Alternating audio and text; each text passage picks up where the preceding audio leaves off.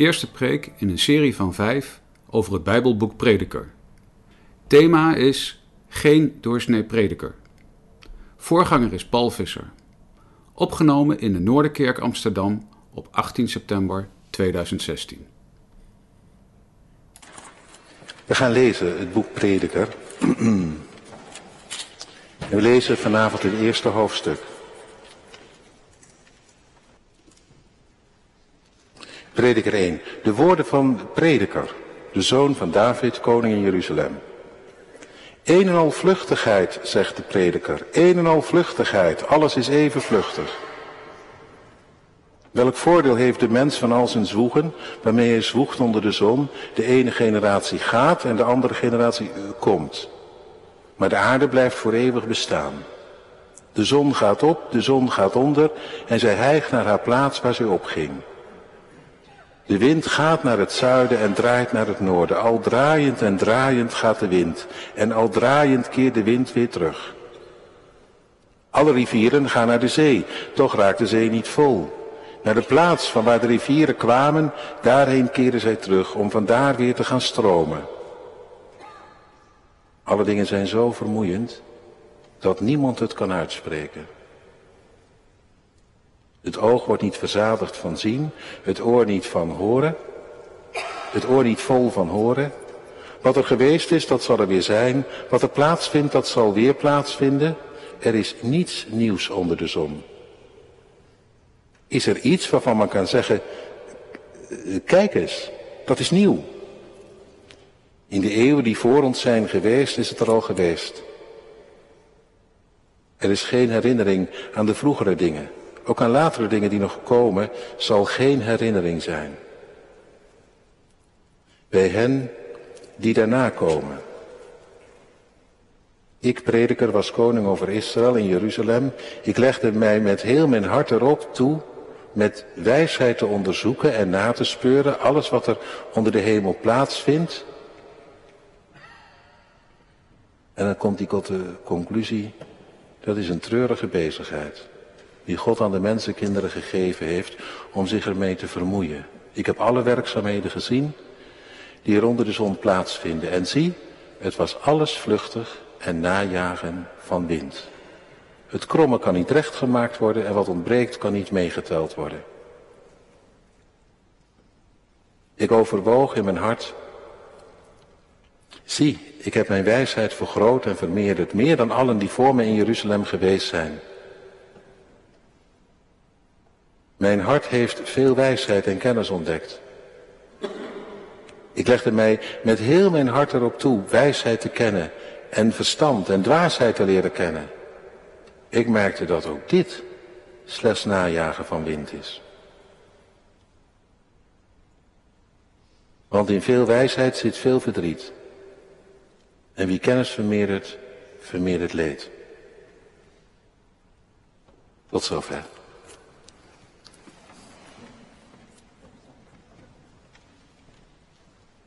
Gemeente van Christus, broeders, zusters. Een hele aparte dominee. Zo kun je die prediker wel noemen. Geen doorsnee. Als je kijkt wat hij allemaal te bedden brengt. Hoe hij het aanpakt. Zijn preek, want dat is het. Het is gewoon een preek die die staat te houden. Intussen op schrift geschreven, zodat wij hem nog eens kunnen nalezen. En ja, ik er met u al prekend over na kan denken, het ter harte kan nemen, wat hij hier ons op het hart drukt. Maar ja, een aparte dominee, want eerlijk gezegd, als je dit zo leest, en het is je wellicht ook al opgevallen, totaal afwijkend van andere Bijbelboeken. Van de rest van de schrift. Anders dan de taal van de Torah. Toch? Anders ook dan de stem van de profeten. Beetje een vreemde eend in de bijt. Die prediker. En ja, dat is eigenlijk uh, hetgeen wat vooral opvalt, en dat merk je vanaf het begin. In plaats dat hij spreekt vanuit God, en dat is toch de schrift, spreken vanuit God, dat hij het woord neemt en dat we ons dan door hem laten gezeggen in het hier en nu. Maar die prediker schijnt zich daar helemaal niks van aan te trekken. In plaats dat hij spreekt vanuit God, komt hij met een heleboel ervaring. Met van alles en nog wat wat hij links en rechts zo heeft opgedaan terwijl hij rondkeek. Door zijn ogen de kost te geven, zeg maar, en dan daar wat op door te denken. Daar komt het vandaan, zijn preek. Uit het leven gegrepen, zou je kunnen zeggen. Meer dus een man van praktische levenswijsheid dan een man van de schrift en van de exegese. Ook wel een beetje verademing, vind je niet? Gewoon eens een hele andere preek. Een hele andere tekst. Jawel, dat is het ook. Dat is heel goed. Dat is een keer een andere preek. Een andere tekst. Vanuit een heel andere invalshoek. Met een ander perspectief. Maar goed, ook wel een beetje link. Je kunt als prediker dan ook zomaar verhaaltjesdominee worden. Dit en dat, zus en zo. Maar ja, wat word je daar nou wijzer van? Als het gaat om God en om je hart en om je ziel en om geloof en... Wat we nou net gelezen hebben in hoofdstuk 1. Ja, als dat het nou is, de preek. Zie je dat nou echt eh, heel diep gaan? Verrassend, veelbelovend. Heb je daar nou wat aan? En kan de, en kan de, de geest daar dan wat mee? Met die constateringen die hij doet? Best interessant. Aardig gevonden. Nog waar ook. Maar ja, wat, wat heb je er nou aan?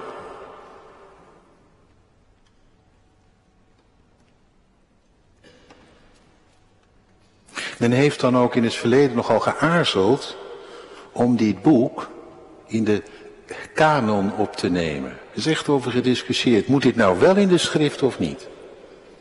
Is dit nou openbaring van God of is dit, nou ja, iemand die wat dingen heeft gezien en opgeschreven, allemaal best uh, goed en aardig, maar als het gaat om God en zijn openbaring en wat hij op zijn hart heeft, dan kom je met prediker toch niet veel verder.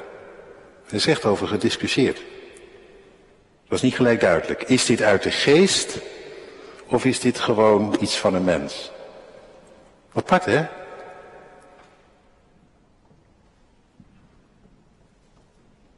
Uiteindelijk is het wel opgenomen, want ja, we kennen het als een boek in de schrift.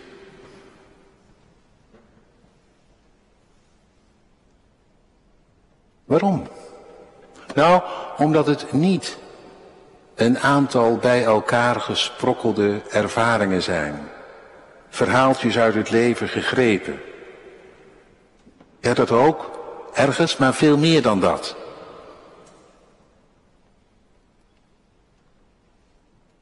Net dat hij om zich heen gekeken heeft, ziet hoe het eraan toe gaat, links en rechts, bij arm en rijk, bij die geluk heeft en die geen geluk heeft. In de natuur en in het menselijk samenleven.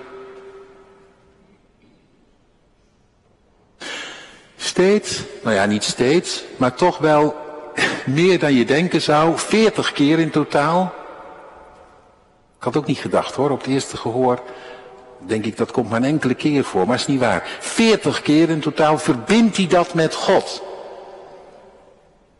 Het, het leven zoals dus dat zich aandient, met al zijn grilligheid, al zijn vluchtigheid, al zijn onvoorspelbaarheid, al zijn onrechtvaardigheid. Hij verbindt het met God. Dat is een kunst, vind je niet? Vind ik wel een kunst. Veel mensen kunnen dat niet. Die zeggen, het leven is zo gek, zo grillig, zo onvoorspelbaar, zo onrechtvaardig. Geen touw aan vast te, te knopen. Als je dat met God verbinden moet, dan raak je de draad helemaal kwijt. Hij doet het.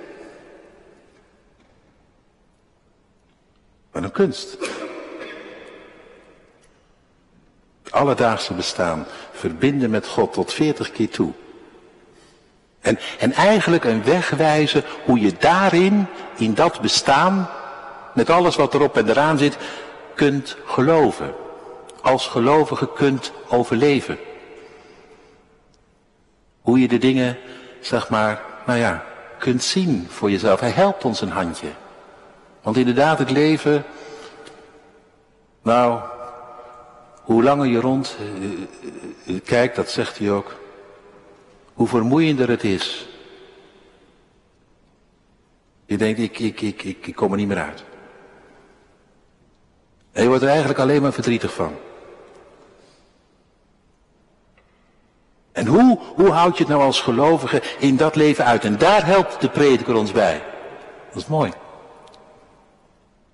Die man heeft heel goed rondgekeken. Staat dus niet zomaar wat te roepen in de ruimte. Heb je ook, hè, van die dominees. Daar moet ik ook altijd voor oppassen. Dat je amper weet wat er in de wereld te koop is. En dan wat staat te roepen over de wereld. Nou, dat doet deze meneer niet. Staat maar niet wat te roepen over de wereld. Dat is geen kunst aan. Maar echt het leven zien zoals het is. En dat dan verbinden met God. Zodat je als gelovige het kunt uithouden in dit bestaan. Dat doet de prediker. Aparte preek. Heel anders dan de rest. Maar u voelt wel aan. Wat hij te zeggen heeft, dat doet ertoe. Dat is niet zomaar wat. Een kunst om zo te kunnen preken. Ik kan het zomaar niet. Ik kijk het nu een beetje van hem af. Maar ik ben blij dat ik het voorbeeld heb. Dus ja, en dan, dan geldt dus ook hier, in dit boek. Al, al denk je, waar gaat het nou precies over en is dit nou waar we het mee moeten doen? Ook hier geldt, wie oren heeft, die horen wat de geest via deze prediker tot de gemeente zegt. Want dat hij een boodschap heeft is wel duidelijk. Wie is die eigenlijk, die prediker? Nou, hij stelt zich voor in het begin als zoon van David, koning in Jeruzalem. En het is heel logisch dat er in de traditie dan heel vaak gedacht is aan Salomo.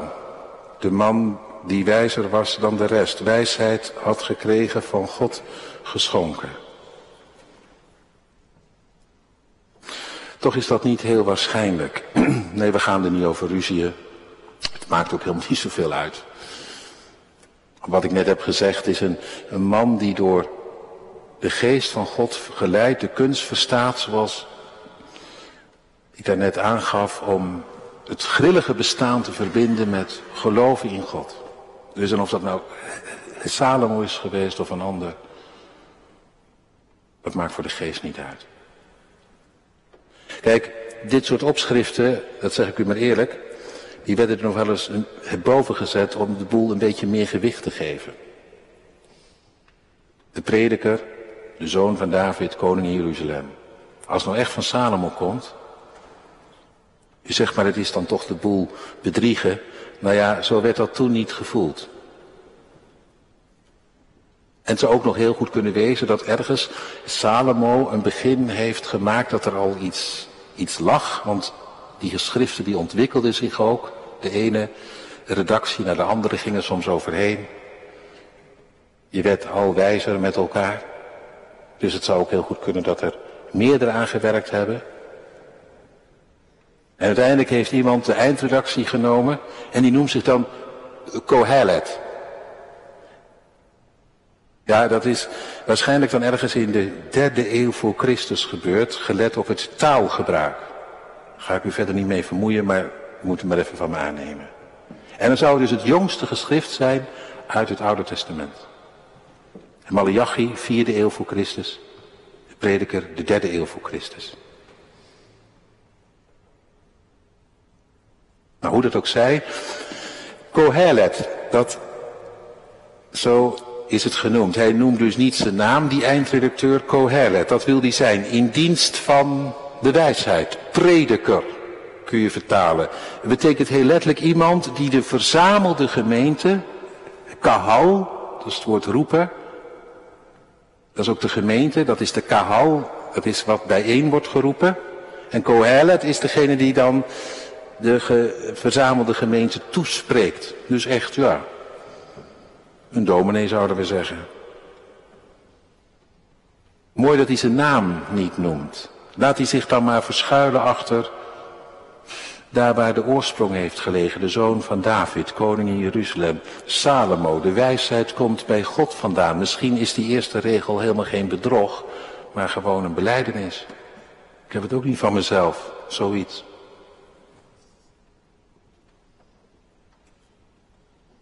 Maar hij is ervan over, over, overtuigd dat hij in Gods naam iets te zeggen heeft wat er toe doet. Want weet u, ja, dat is apart.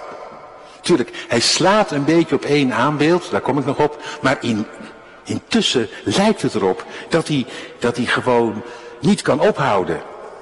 Er zit dus een soort hartstocht in hemzelf. Hij wil echt iets kwijt, een punt maken. Hij zit maar niet een beetje voor zich uit te somberen. Hij wil een punt maken. En hij sleept alles erbij om dat punt te maken. En om zodoende aan die verzamelde gemeente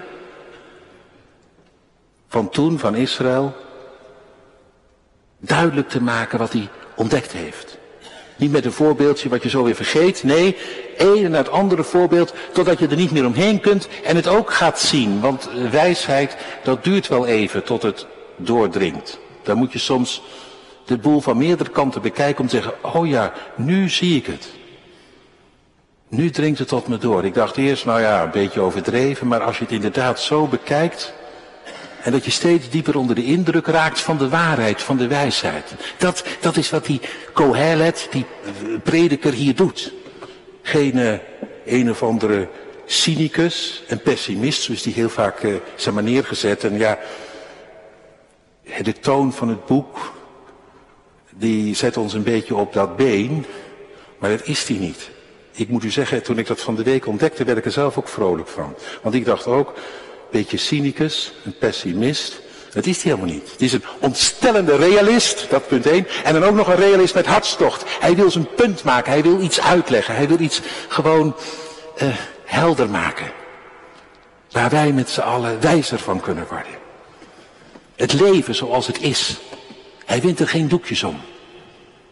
Hij, hij is erop uit om onze ogen te openen voor de werkelijkheid en om in die werkelijkheid dan te wandelen met God. En het spoor niet bijster te raken, want het kan zomaar gebeuren. Zodat je er geen touw meer aan vast kunt knopen en er alleen maar verdrietig van wordt van alles wat je ziet. Dat je denkt, nou ja, God, God slaat ook nergens op. Nee, zegt de prediker, juist daar middenin.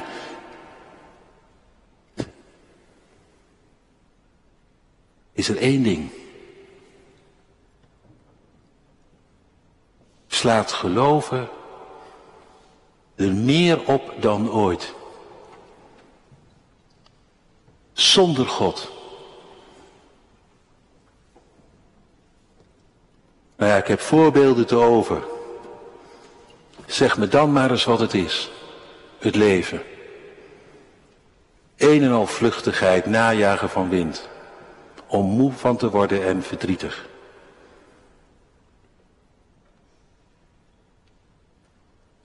Man die, heeft een hartstocht van je welste. En dat ik mooi. Een realist met hartstocht. Kunnen we in Amsterdam wel gebruiken. Zo'n prediker. Geen domme jongen. Er zijn een heleboel mensen die van allerlei wijsheid, wijsheden uitkramen, nog van leren. Kijk nog maar eens ietsje beter, zou de prediker zeggen. Dan zou je wel anders praten. Om te denken dat je de wijsheid in pacht hebt en dus God kunt afserveren.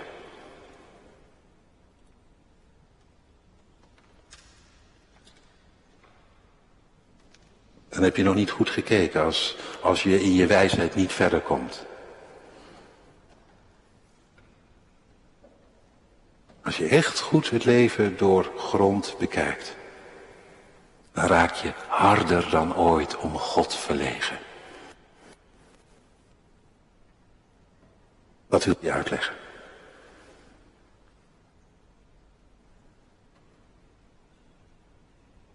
Want ja, wat is de boventoon, het thema, door het hele boek heen? Nou, dit, waar het mee begint. We kennen dat, die oude zin, weet je wel, ijdelheid der ijdelheid der ijdelheid, het is al ijdelheid, zegt de prediker. Hier vertaalt wel mooi hoor, in de herziene statenvertaling. Eén en al vluchtigheid, zegt de prediker, één en al vluchtigheid, alles is even vluchtig. En de nieuwe Bijbelvertaling doet het, eh, het weer anders. Die zegt lucht en leegte. Lucht en leegte. Alles is lucht.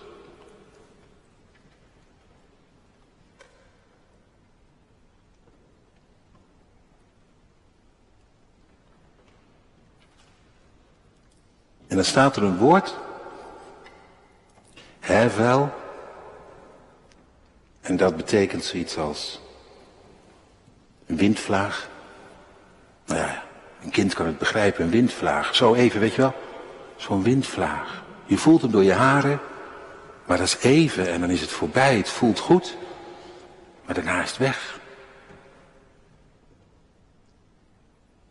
Het voelt even helemaal niet goed. Een windvlaag recht in je gezicht terwijl je net eh, lekker op de fiets zit. Tegenwind. Maar gaat ook voorbij. Tegenwind gaat ook voorbij. Wind mee en tegenwind gaat allemaal voorbij. Een zucht. Zoiets. Ik zou bijna zeggen, het is niks. Lucht, leegte. Hoe imponerend het ook is en nu maak ik even een klein uit, uit, uitstapje. We komen er natuurlijk in de volgende hoofdstukken nog op. Even een heel klein uitstapje, zonder alle teksten erbij te vermelden. Wat er dan in dit boek aan de orde komt. Hoe imponerend het ook is, wat een mens soms tot stand brengt. En dat is imponerend. Daar hoef je ook helemaal niks van af te doen. Hoef je helemaal niet op af te gaan geven. Kun je van onder de indruk raken in wetenschap, in kunst, cultuur, muziek, in van alles en nog wat. Maar ook gewoon in het leven van elke dag. Hoe je ook ploetert voor meer, voor mooier, voor groter. En waarom zou je het niet doen? Mens moet toch wat? Dit is je deel onder de zon, zegt de prediker. Ja. is geen schande. Dit is je deel onder de zon. Te ploeteren, te zwoegen. Sowieso om te overleven, als het kan nog voor ietsje meer. Waar je dan hopelijk, ja, ook nog van kunt gaan genieten. Dit is uw deel onder de zon, dat God u heeft gegeven. Het zal wel zonde zijn als het laatste erbij inschoot trouwens. Dan heb je maar half geleefd. Allemaal vrij nuchtere constateringen. Maar ja, hoe je het ook went of keert, als je er nog eens een keer naar het kijkt, dan verdampt het door de tijd. Een week is zo voorbij. Het feestje waar je naar uitkeek ligt alweer achter je. Bent het al bijna weer vergeten. Weet je wel, zoiets. Die dingen waar je voor ging en waar je nou helemaal blij van werd. Als je achterom kijkt, denk je, het is voorbij en uh, wat is er eigenlijk van over? Een windvlaag, lucht, leegte, vluchtigheid. Een weemoedige herinnering. Jawel, tuurlijk aan dit en dat, wat was het mooi, maar intussen sta je met lege handen.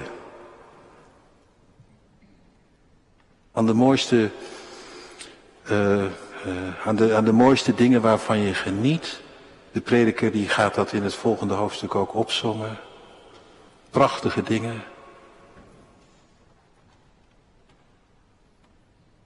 Maar ook dat, ook dat gaat voorbij. En, en, en ja, dat leven waarin je verliest aan alcohol en seks en platte lol. Wat hou je er precies aan over? Je gaat er helemaal in op. En uiteindelijk, iemand zei een keer, word je er alleen maar beroerd en misselijk van. En sowieso heel leeg. Najagen van wind.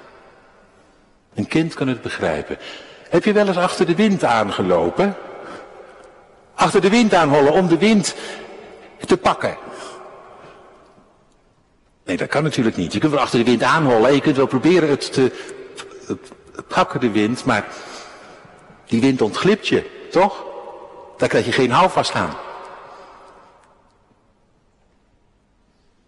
Najagen van wind.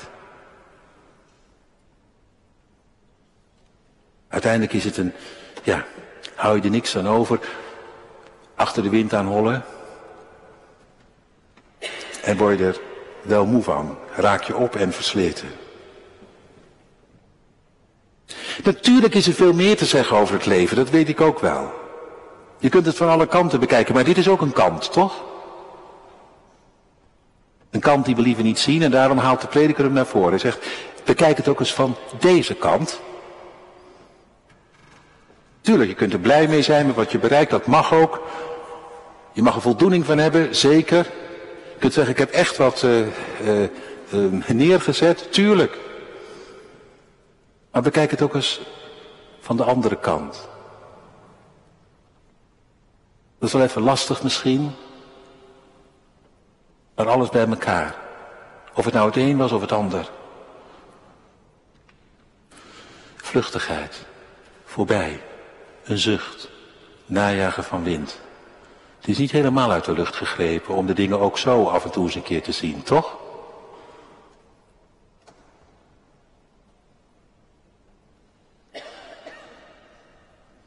Want ja,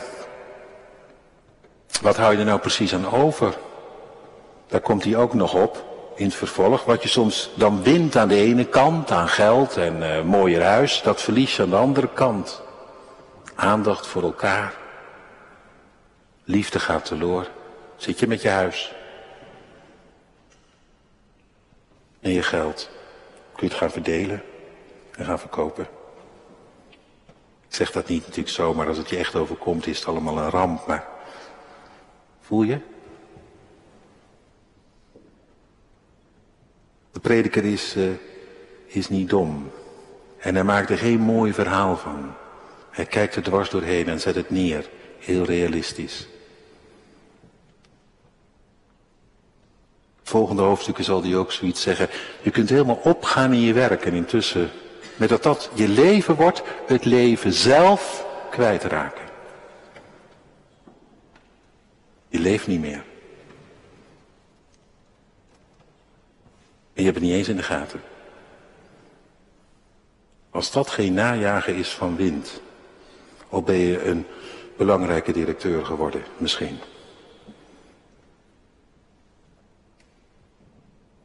Ook zijn eigen bezigheid, want hij kijkt niet uit de hoogte neer op iedereen. Hij zegt zelfs mijn eigen bezigheid, vers 12, valt onder dit oordeel. Zal ik het u nog een keer even lezen? Ik prediker was koning in Jeruzalem. Ik legde mij met heel mijn hart erop toe, met wijsheid te onderzoeken, na te speuren. Denk je, nou die man is goed bezig. En alles wat er onder de, van alles wat er onder de zon plaatsvindt. Hij zegt, weet je wat het nou is? Ja, ik, ik, ik, ik was geboeid en ik ging ervoor en het uh, interesseerde me. Maar het is een treurige bezigheid. Want hoe langer je zit te kijken, hoe verdrietiger je soms, soms wordt als je het allemaal ziet. Het kromme kan niet worden rechtgemaakt. Wat ontbreekt kan niet worden geteld. De dingen gaan zoals ze gaan, ze zijn zoals ze zijn.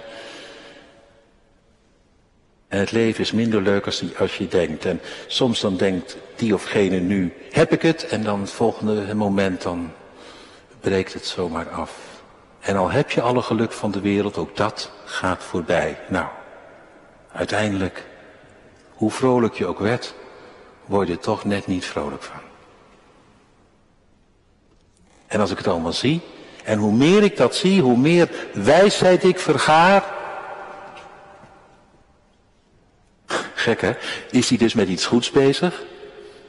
Vanuit geloof, vanuit de geest van God durf ik wel te zeggen, het leven doorzien, maar ook, ook dat valt onder het oordeel van een vermoeiende bezigheid. Ook dat, zegt hij, kan zomaar najagen van wind worden. Ben u wel eens in een oude bibliotheek geweest, daar boeken volgeschreven, mensen zijn daarmee bezig geweest en filosofieën, uren gedacht, gepiekerd, gepijnst, het is onthaald, het is gerecenseerd, de mensen hebben er conferenties over belegd. Nou, nou staat het ergens op een plank, geen mens die er ooit meer omkijkt. Ook dat is najagen van wind. Hoe goed het ook was, ook daar hou je uiteindelijk niet veel aan over. Dat is het leven. Het is even slikken, dat leven. En dominees vallen onder hetzelfde oordeel. Met alle preken die ze houden en boekjes die ze schrijven.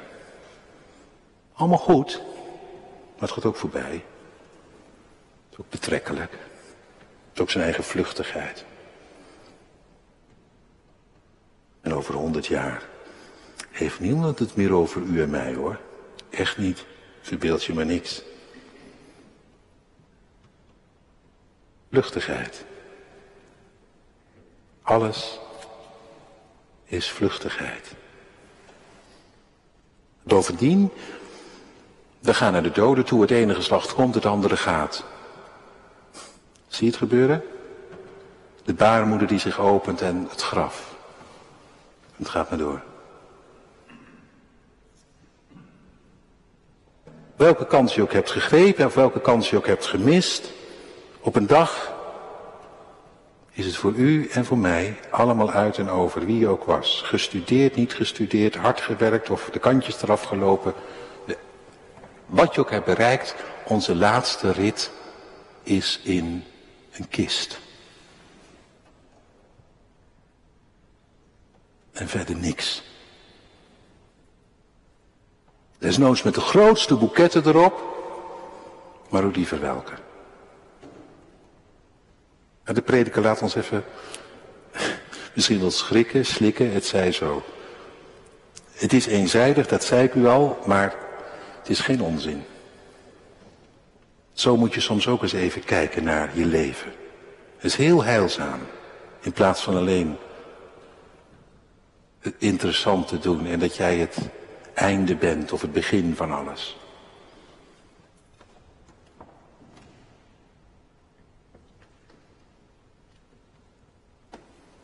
Zei het u al, de hartstocht waarmee de, de prediker dit gaat neerzetten in zijn boek, is niet iets van een pessimist, maar van een realist die, ja, die maar één ding wil. Dat je het aan het leven zelf ontdekt. Dat het geen onzin is. Wat de Torah zegt. Wat de profeten roepen. Dan komt hij ineens wel bij de Torah en wel bij de profeten. Duurt even duurt even in dit boek. Hij komt er wel. Vrees God. En dan eerst even gaat hij een rondje wereld maken. Nou ja, maar, en dat je dan aan het leven zelf het leert. Hoef je het niet uh, de dominee toe te geven. Hoef je niet te zeggen, ja moet ik die Bijbel geloven. Desnoods geloof je de Bijbel niet. Kijk dan om je heen. Kijk gewoon om je heen. En kijk wat het is. En kijk goed. Een en al vluchtigheid. Wat het ook is. En wat blijft er dan over? Niks. Tenzij. Ja. Je oor krijgt voor de Torah. God die zich openbaarde. De levende.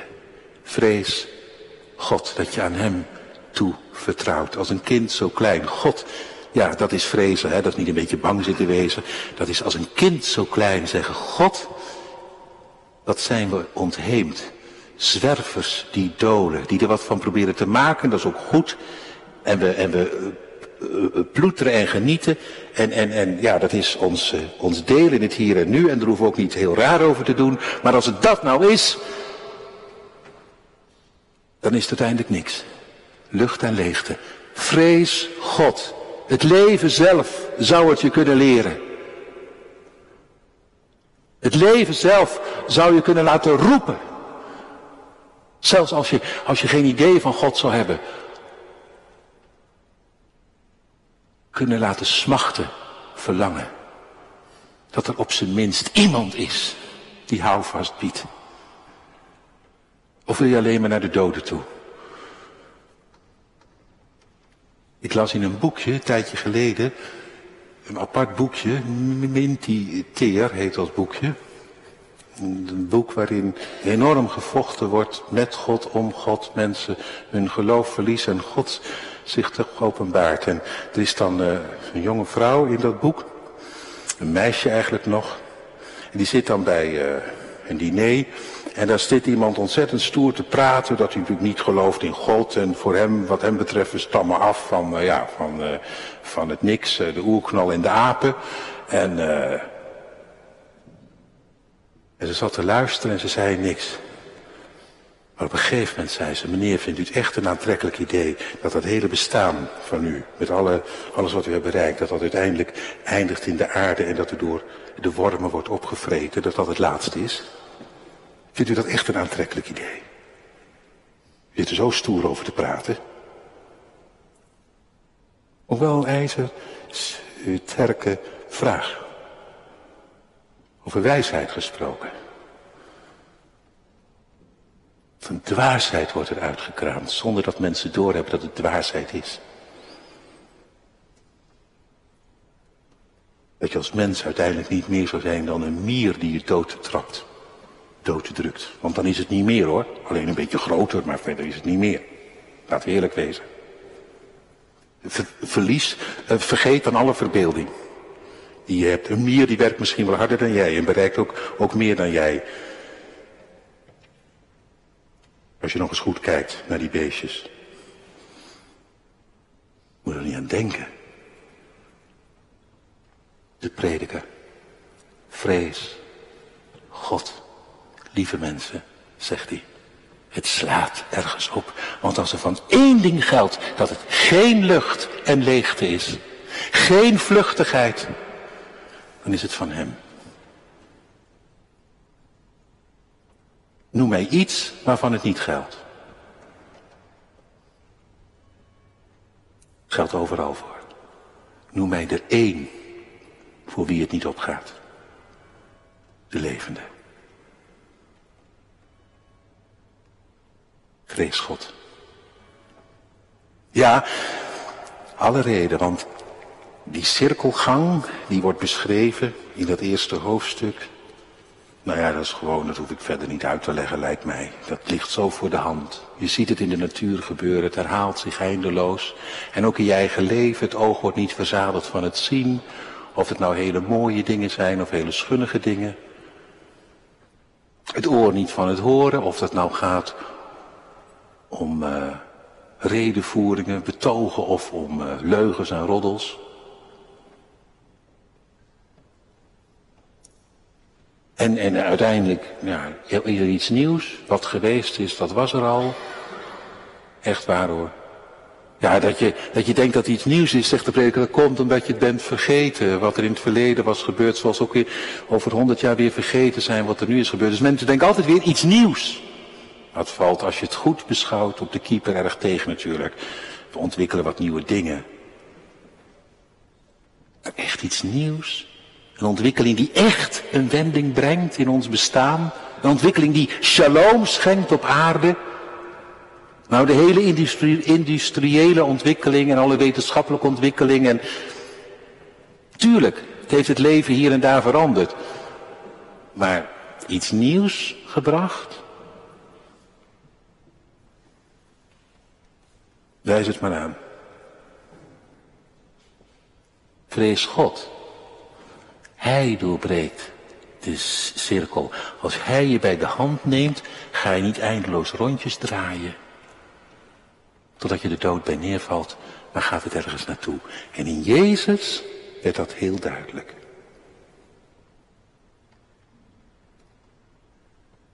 Ging dat oude bestaan, met alles erop en eraan, de dood in. En hij brak eruit. Het leven tegemoet. Het oude voorbij. Het nieuwe aangebroken. Vrees God. Dat is nog eens wijs.